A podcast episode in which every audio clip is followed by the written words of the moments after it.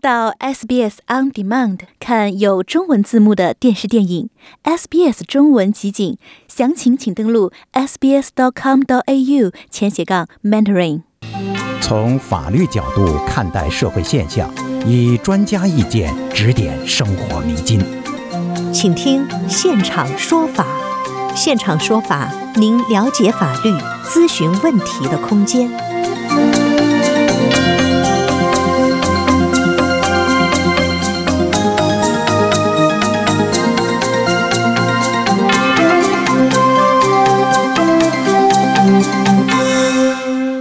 听众朋友您好，欢迎您继续收听 SBS 广播中文普通话节目为您带来的现场说法听众热线节目，我是刘俊杰。我们看到，在今年底呢，华裔歌手王力宏和李静蕾婚姻破裂的新闻呢，在社交媒体上引发广泛的关注。在今天的现场说法听众热线节目中呢，我们邀请 m a d o Chang 律师事务所的郑伟俊律师呢，为您介绍婚前协议和婚后财产分割等法律知识。那么也欢迎听众朋友拨打热线电话。一三零零七七九三二三，一三零零七七九三二三来参与我们的节目，向法律专家现场咨询法律和移民签证问题。郑律师您早，喂，你好，谢谢郑律师这么早做客我们的节目哈。呃，郑律师就是我们看到哈，在婚姻不幸破裂之后呢，呃，如果一方认为婚前协议是不对等的，那么说，呃，我们就有一个疑问哈，那就是说法律。在我们澳大利亚来说，会对这个婚前协议的这个对等性进行评判吗？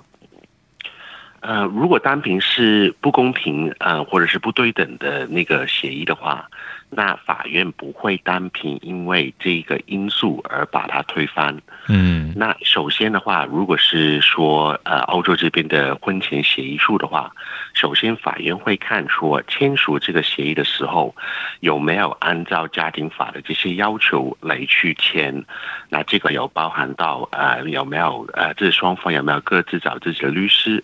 然后律师有没有签字，就是说有给过那个。他的当事人那个法律意见才允许他去签的。那如果是呃满足了那个家庭法的这些需求的话，那个婚前协议书才会有法律效力。那如果是一个符合家庭法的那个婚前协议书已经签署了，如果是要推翻的话，那也是要按照家庭法里面的那些条啊那个。呃，那那个政策就是说，呃，允许你去向法院申请把这个协议推翻。那这个家庭法里面有写到是各种原因是可以向法院推翻的。还有比如说，呃，只包含到有诈骗的那个成分。嗯啊，如果是签的那个协议的时候是有那个胁迫的那个情况。啊，或者是如果签的时候，当时某一方啊是不自愿的啊，或者是呃，如果这个协议日后有发现说，呃，双方都没有是真实的申报他们原始的那个财产，呃，这些都是可以向法院去推翻的这个原因。啊，那呃，另外有个原因的话，就是说，如果签了这个婚前协议书之后，如果婚姻当中有一些双方当时签这个协议都没有预料到的一些特别的情况或者是因素发生了，变成说某一方的那个情况是跟原始的呃预料到的很不一样，重大改变的话，那这个也是可以向法院去推翻这个。婚前协议书的一个呃这个情况，嗯，您刚才最后介绍的这点，我看您是说这个可推翻的情况大致是五种啊，就是一是出现诈骗，二是有胁迫的这个情况，三呢就是某一方不是自愿的，四呢就是呃双方这个在签这个协议之前没有这个申报自己的一些财产财产哈，第五呢就是说没有料到的一些因素，这个没没有料到的因素，举个例子来说都有哪些因素啊？呃，是有一些的话，就如果是没有预料到会，呃，是如果有有些人会说，哦，我签那个协议的时候没有预料到会生小孩，那这个的话，单凭这个的话，也未必会有呃这个权利去推翻这个协议。可是如果呃，比如说生了啊很多个小孩的话，啊，比如说我本来是签的时候，一般家庭可能会有两三个小孩，可是如果日后生了七八个、九九个、十个小孩的话，那这个可能是双方是预料不到的，啊，或者是说如果啊某一方的那个财富啊因为各种因素是啊是比原始的多了很多，或者是少了很多，那这些的话都是呃可以说是呃这。没有预料到的因素。嗯，那您这个介绍的非常的详细哈，就是，呃，提到这个婚前婚后财产哈，就是说，可不可以这么理解？是是不是说婚后的财产就是一定是夫妻双方的共同财产呢？如何界定这个婚前和婚后的财产呢？嗯，在澳洲家庭法是没有呃，是没没有分到说是婚前还是婚后的财产，嗯，主要是双方如果是结了婚的话。或者是有同居两年或以上的话，不管是婚前或者是婚后购买的那个财产，都是呃共同财产。只是说，如果是要去向法院申请要去做这个财产分割的时候，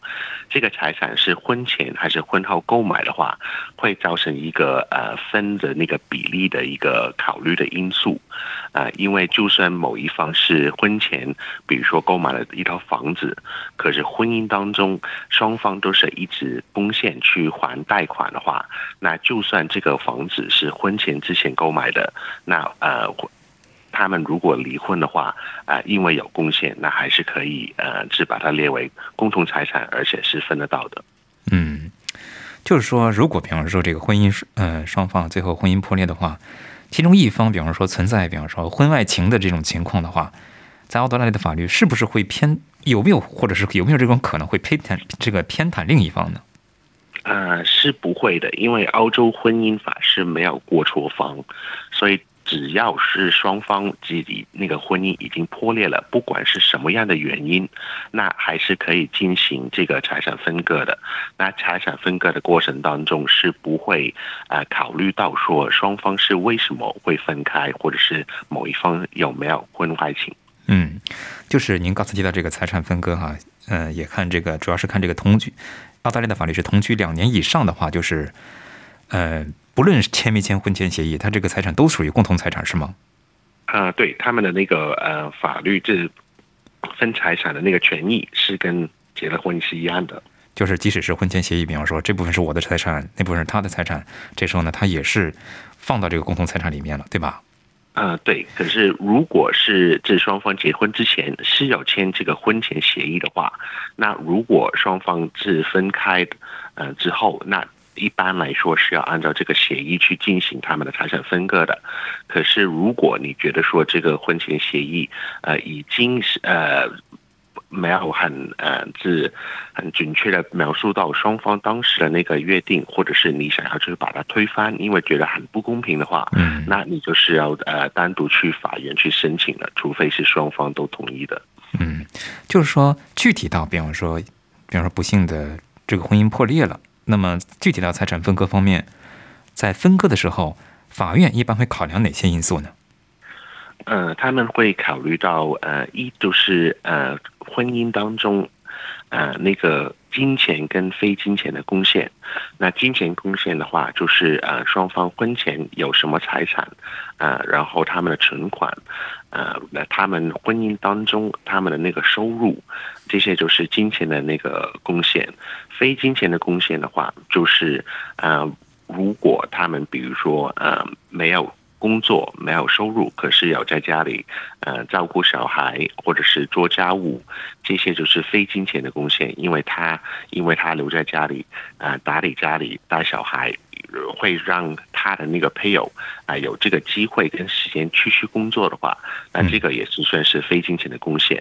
那未来就是说他们的那个赚钱的那个能力，呃，跟有没有小孩，呃，跟他的未来的那个支出，跟他的那个生活水平，这些的话都会考虑在呃那个婚后呃就那个协议的那个呃就或者是判的那个案子，都是会考虑的因素。嗯，就是说，您刚才提到一点很重要，就是说，呃，照顾家庭跟照顾小孩儿，对自己影响到自己赚钱的能力这个因素会考量进去哈。就说，呃，如果比方说这个其中的一方说这个觉得这个照顾小孩这个方面或者照顾家庭这方面，嗯，被判的这个占的这个财产分工这个比例不合不合适，或者是觉得不公平的话，那该怎么办呢？有没有什么更好的一些裁量方法呢？嗯，如果是法院判的话，那判下来之后，那就呃，如果是不同意的话，就只能上诉了。嗯啊，可是如果他觉得他就算是判了，不管是公平还是不公平，可是对于他的那个日常生活都是不足够的话，那他还是可以去申请，比如说一些家庭的补助，这乡政府是县令申请补助，或者是有这个赡养费也是可以的，或者是抚养费，这些也是可以申请得到的。非常谢谢郑律师的介绍，听众朋友，您正在收听的是 SBS 广播中文普通话节目，为您带来的现场说法听众热线节目。本期节目呢，来自摩道克昌律师事务所的首席律师郑伟俊为您介绍婚前协议和婚后财产分割等法律知识。欢迎您继续拨打热线电话一三零零七七九三二三来参与节目，咨询法律和移民签证问题。接下来我们接听听众电话，这位是林女士，林女士您早。啊，您早，静姐您早，哎，您好，在呃问候谢欣您好，还有郑女士您好，谢谢你们的辛苦工作啊，呃，为我们大家就是服，呃，是这样的，我呢想请教郑律师咨询一些问题呢，是一对夫妇呢，他们已经结婚多年了，以前呢双方都有工作，现在呢双方都已退休了，他们，但是呢男方有退休养老金，女方没有退休养老金。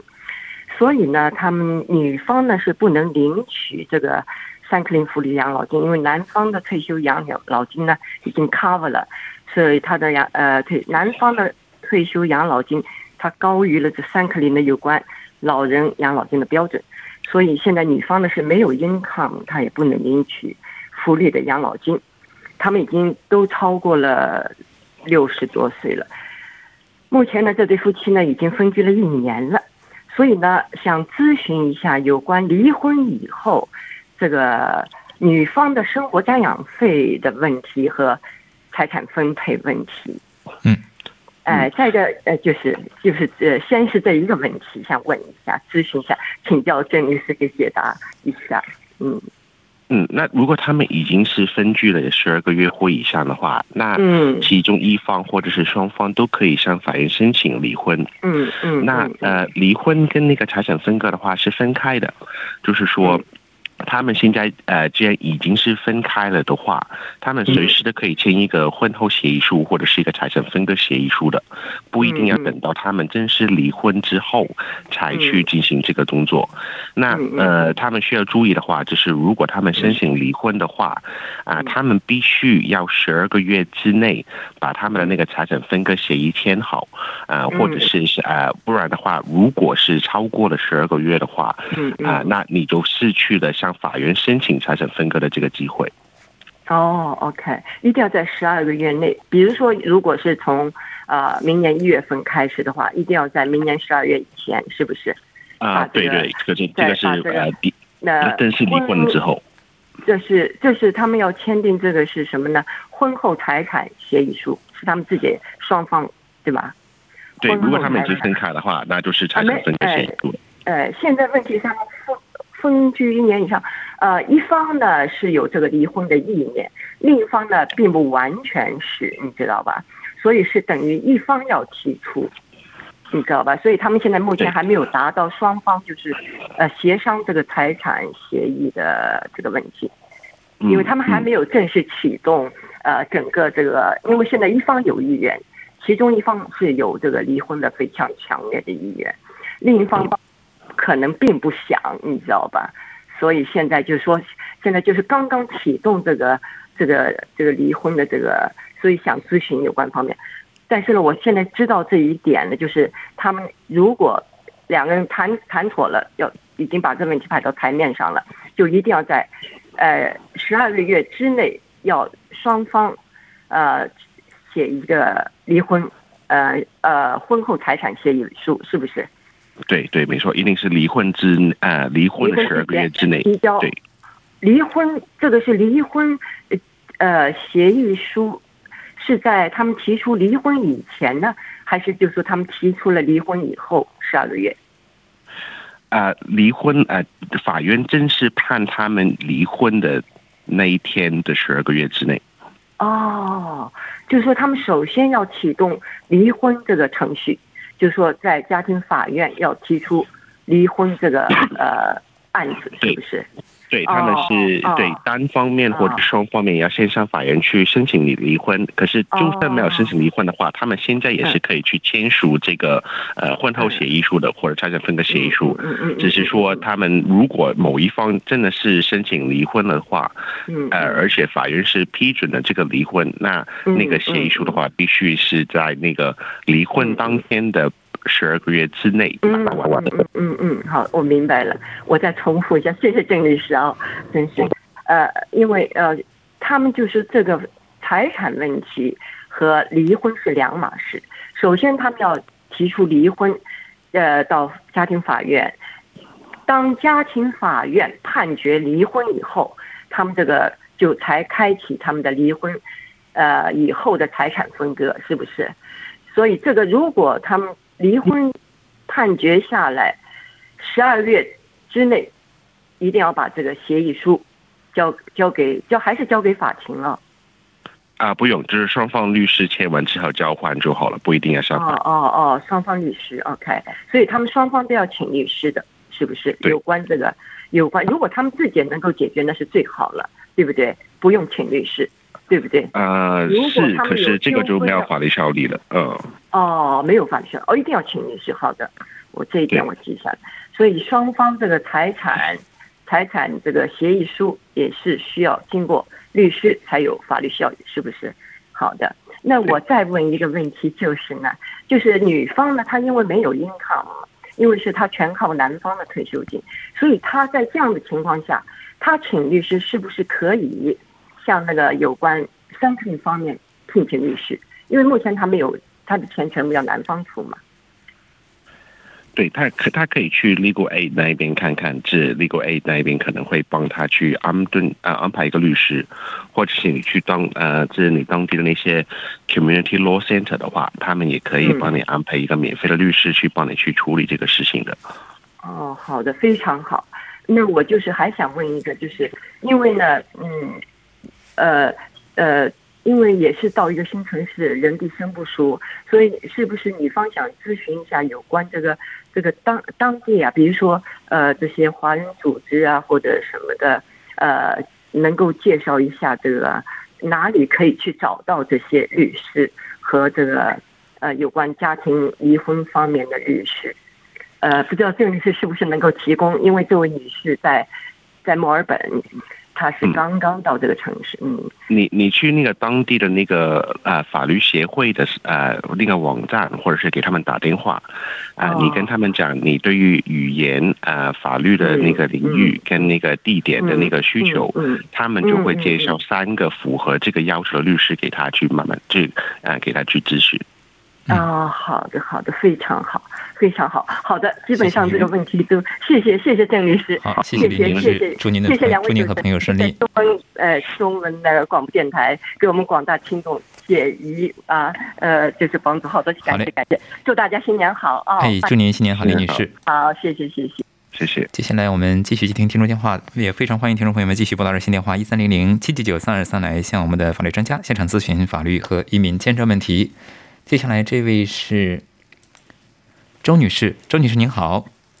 哎，你好。哎，您请讲。主持人好，律师好。你好。嗯，是这样子的，我帮一个朋友来咨询一下，就是，嗯，他们已经就是分居了，但是还没有到离婚的时间，然后双方呢也各自请了律师，可是这个男方呢突然呢就是说他宣布就是说不使用律师服务了。啊，因为他说他付不起这个钱了，然后他就通知女方说，也不参加这个 mediation 的调解，本来就要开始了，然后他突然就是说拒绝出席这个 mediation，那这样的话，呃，可以吗？他拒绝的话，那怎么他们怎么进行啊？就是说，我这个嗯，我这个女朋友就说不知道怎么办。如如果是向啊法院单方面去申请这个财产分割的话，那向法院申请之前，他一定是要试图去跟呃对方那边去协商。那这个有包含写信，有包含参与那个 mediation，然后就是看双方的律师能不能谈到一个结果出来。那如果对方那一边是拒绝的话，啊，这你只能你只要。呃，这向法院申请那个财产分割的时候，你的证明你们之前是要呃，这新鲜来往，然后也是要试图去安排这个 mediation，只是说说对方那一边回复说他不愿意去参加，也不愿意去呃谈这个协呃协商的这个部分的话，这些的话已经足够啊，然后单方面的话就可以向法院去申请那个财产分割。啊，直接就可以上诉法院了，不用呃就进行调解。对，如果试图试图调解之后，呃，如果是对方不愿意参加的原因，呃，而而没有进行调解会的话，那呃，单凭是这个原因，就已经是可以单方面向法院申请财产分割了。嗯，那就是说，呃，这个女方就可以跟她的律师讲，就直接就是。上诉法院就是提交了，提交法院了，就是说男方不愿意进行那个调解，是不是啊？但是这个女方也，这个女方就是她也私下给这个男方写信，就是说进行调解，最好他们私下。但是这个男方呢，就一直不答应这个财产，因为他们是长时间的婚姻了，长时间的婚姻呢，他们按照法律好像说是一半一半的，对不对？然后他这个男方就不同意，男方就要很多很多，然后这个女方没有办法，正好就请律师了。然后这个男方也请律师，最后最后最后这个男方就是又拒绝了，不要律师了，说什么都不参加。啊，那那这个女方现在就僵到这里了，不知道怎么办了。说他不参加调解，那所以他也不知道该怎么进行下去了。那您的意思就是说，直接跟律师？直接跟律师说，直接上交法院了，就是说，啊，对对，如果都试图过去调解，然后都呃对方不愿意参与，有一些新建或者是有确系的这个这些证据的话，那就可以直接去向向法院申请财产分割就好。嗯，那那那么那如果说是他们到了离婚的那个就是分居的呃那个时间已经到了。分居时间到，但是他这个离婚的财产的分割还没有批下来，或者是法院还没有判决，那怎么办呢？那他们如果是嗯嗯未来的话，呃，如果是分分居分居，嗯，如果是分居了十二个月的话，那也是可以单方面去申请离婚的。啊，那好像我刚刚说了，就是如果你们申请了离婚之后。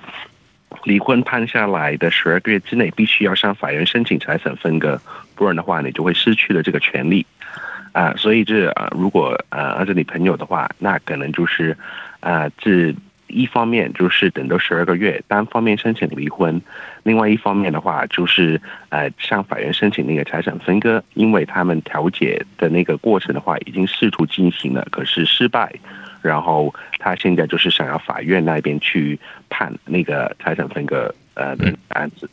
好嘞，谢谢周女士。啊，那我想问一下，就是说我听说了啊，就是说好像上法院上交法院以后要等，呃，要等两年，有这种事儿吗？呃，整如果是财产分割的话，呃，整个流程至少要一年多，啊，然后如果是要到最后要呃是要听审，然后判决的话，呃，两年是呃对，很很正常的。嗯，哦，是这样，好，谢谢你，好，谢谢，谢谢周女士。那么，听众朋友，欢迎您继续拨打热线电话一三零零七七九三二三来参与节目，咨询法律和移民签证问题。接下来继续接听听众电话，这位是江女士，江女士您早。你好，哎，久等了，江女士，您请讲。啊啊，我有一个问题想问问，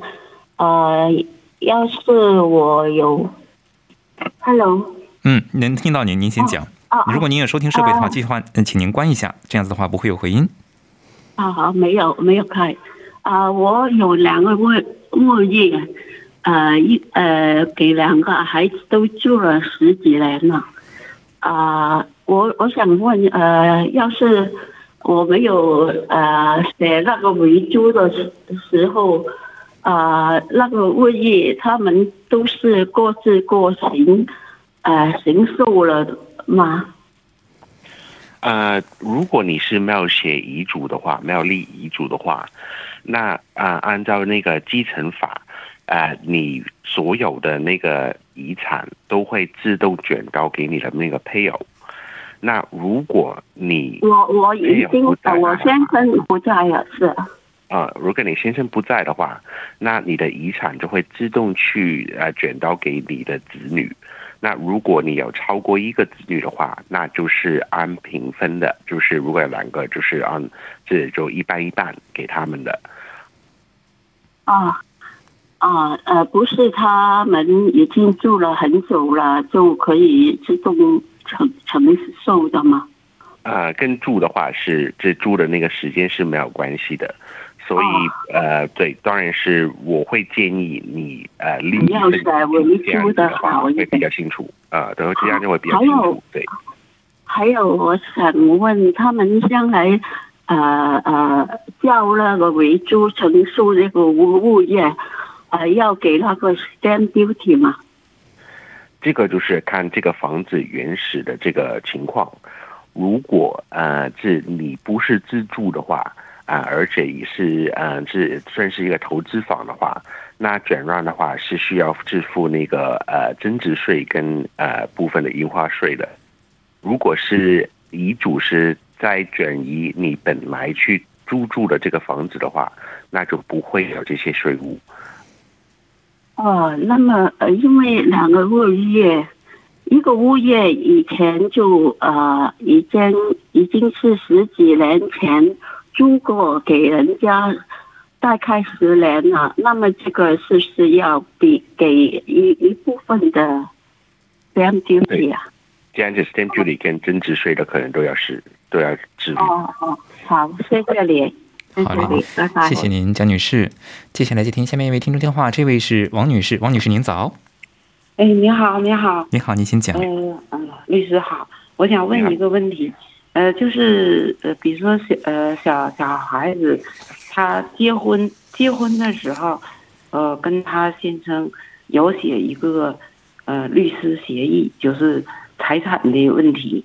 当时比如说，呃，他有一个呃 town house，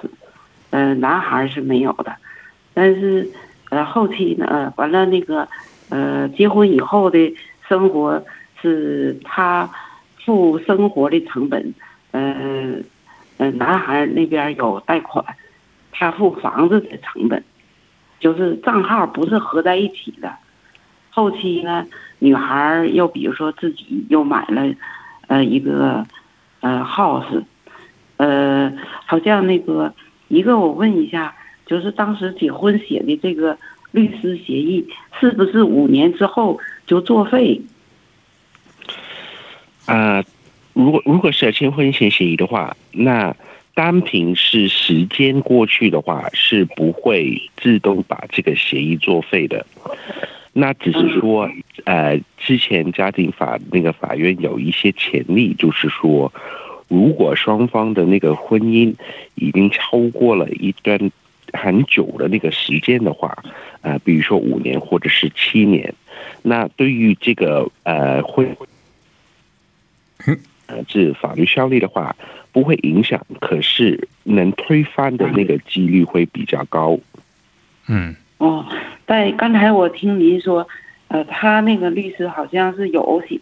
比如说增多，你说变化，现在比如说马上有小孩了，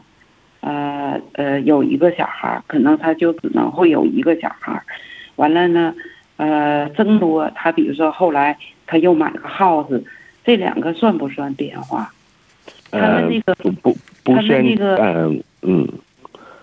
一些不算是重大变化，会导致可以推翻这个协议的原因。因为这结婚的话，当然是呃，这生小孩或者是购买呃这房产的话，这些都是能预料得到的，呃，所以不算是一个重大没有呃不可预料到的一些变化。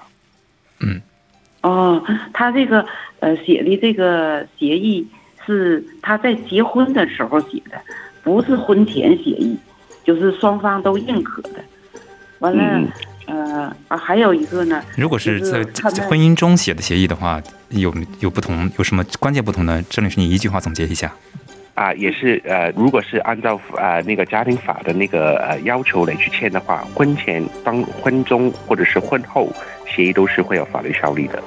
非常感谢郑伟群律师做客今天的现场说法听众热线节目。由于时间关系，就不得不和听众朋友们说再见了。我是刘俊杰，明天同一时间仍然与您准时相约。想在 SBS 当一回影评人吗？SBS On Demand 正在推送配有中文字幕的热门影视作品。您只需观看一部或以上影视作品，并把影评观后感发给我们，就有机会赢得一份 SBS 精美礼品。